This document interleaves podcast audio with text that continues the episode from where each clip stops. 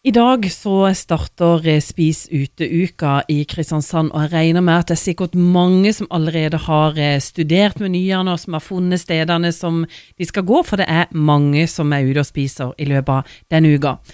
Morten eh, Johansen, når det dreier seg om den Spis ute-uka, så har dere også tiårsjubileum i år. og Er denne uka blitt sånn som dere tenkte? Ja, både ja og nei. Uka eh, når vi starta for ti år siden, var egentlig å vise fram Kristiansand og Kvadraturen og få flere folk ut til å spise. Det var den stilleste uka i 2009, i første uke av februar. Så å gå fra 12 000 retter i 2010 til over 70 000 retter hvert år de siste fire årene har gjort at det skjedde noe med Kristiansand og utelivet. Altså det å spise ute, da. Eh, det heter vel sånn opprinnelig 'spis for 100', og så er dette blitt litt endra?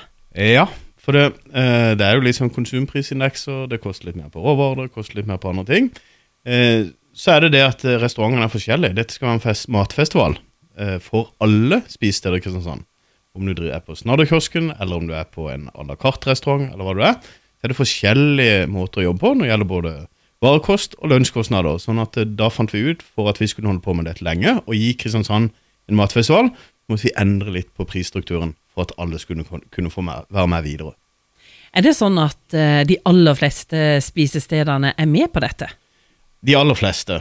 I år så er det 49. Rekorden har vært 50, men, men noen av disse har slått seg sammen lokaler, så det er egentlig ny rekord på antall spisesteder. Men vi kunne nok ha vært 55 hvis alle bare hadde sett uh, møteinnkallelsen til dette. Men det er jo et utrolig antall. Det betyr at det er utrolig mye spisesteder? Ja, og, og, det har skjedd en rivende utvikling de siste ti årene. Fra hva det har vært, hva det har blitt. Og det er jo spennende. Eh, jeg syns også kvaliteten er blitt mye bedre de siste årene. Jeg syns mangfoldet er større. Sånn som vi har jo nå vegetarisk, vi har vegansk, vi har kjøtt, vi har uh, fisk. Vi har egentlig en stor meny med stort mangfold, som på en måte gjør at du har mer å velge i når du går til byen. Så det er sånn at selv om man kan spise godt for en god penge, så er det også altså, god mat, dette her.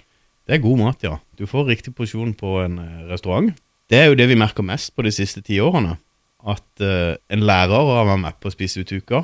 Uh, så forbrukere, dere som er ute og tester dette, gir jo oss veldig gode tilbakemeldinger og gjør at restaurantene faktisk blir bedre. For de får uh, testa restauranten. Det er jo 17. mai hver dag i hel uke. Uh, og da er det sånn at de får testa dette ut. De får tilbakemeldinger fra kundene, og de blir bedre å lære av det.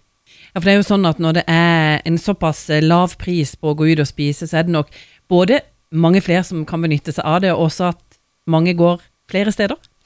Helt korrekt. Vi kjørte en spørreundersøkelse i fjor hvor det viser seg at uh, Nå har jeg ikke tallene foran meg, men uh, jeg tipper det var over 78% som var mer enn to ganger ute. Uh, jeg tror nærmere 50% var mer enn tre ganger ute denne uka. Så vi kjører en del statistikk og litt sånt, og har jobba mer med det de siste årene for å se litt på hva som skjer og rører seg i byen. Men hva sier eh, bransjen eh, sjøl eh, etter ei sånn uke? Det må vel være ei av de mest hektiske ukene de har? Jeg tror, jeg tror, nok eierne har sitt syn på det, og de ansatte har sitt syn på det, men jeg tror alle syns dette er helt fantastisk.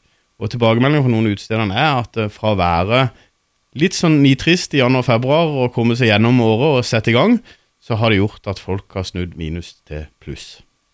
Og så må det jo være enormt med matretter som blir lagd i løpet av ei uke. Det er ganske mange, for vi får bare inn spis ut-uka-rettene. Vi får ikke inn eh, Vi har også statistikk på dessert og andre ting, og da nærmer vi oss godt over 100 eh, 000 retter, vil jeg tippe. Det er litt logistikk, ja. Det er en del ting. Jeg vet at sånn som Asko Barma har nattskift for å kunne levere til disse her eh, restaurantene i løpet av uka det, det, er en test egentlig for å kunne klare å ta unna så mye i løpet av uka. Men eh, dere da som står i bresjen for denne Spis ut-uka, er det sånn at dere er mye ute i løpet av uka og, eh, og tester eh, matretter? Eh, ja. vi, vi, er jo ute og tester sjøl og gir tilbakemeldinger til restaurantene. Så i forfjor så var jeg på 20-30 plasser. Det er ganske mye.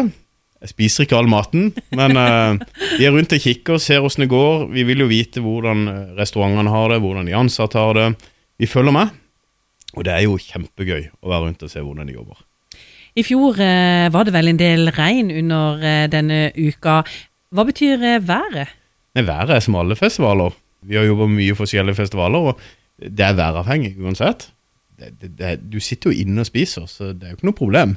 Og det er nok av parkeringsplasser og plass å finne i byen, sånn at eh, sannsynligheten for å, å finne en plass er jo større når det regner enn når det er sol. Jeg regner med at du satser på en ny eh, besøksrekord eh, 2020. Vi satser på høy kvalitet i tiårsjubileet og håper at folk eh, bruker tilbudet, sånn at vi kan fortsette å holde på med dette.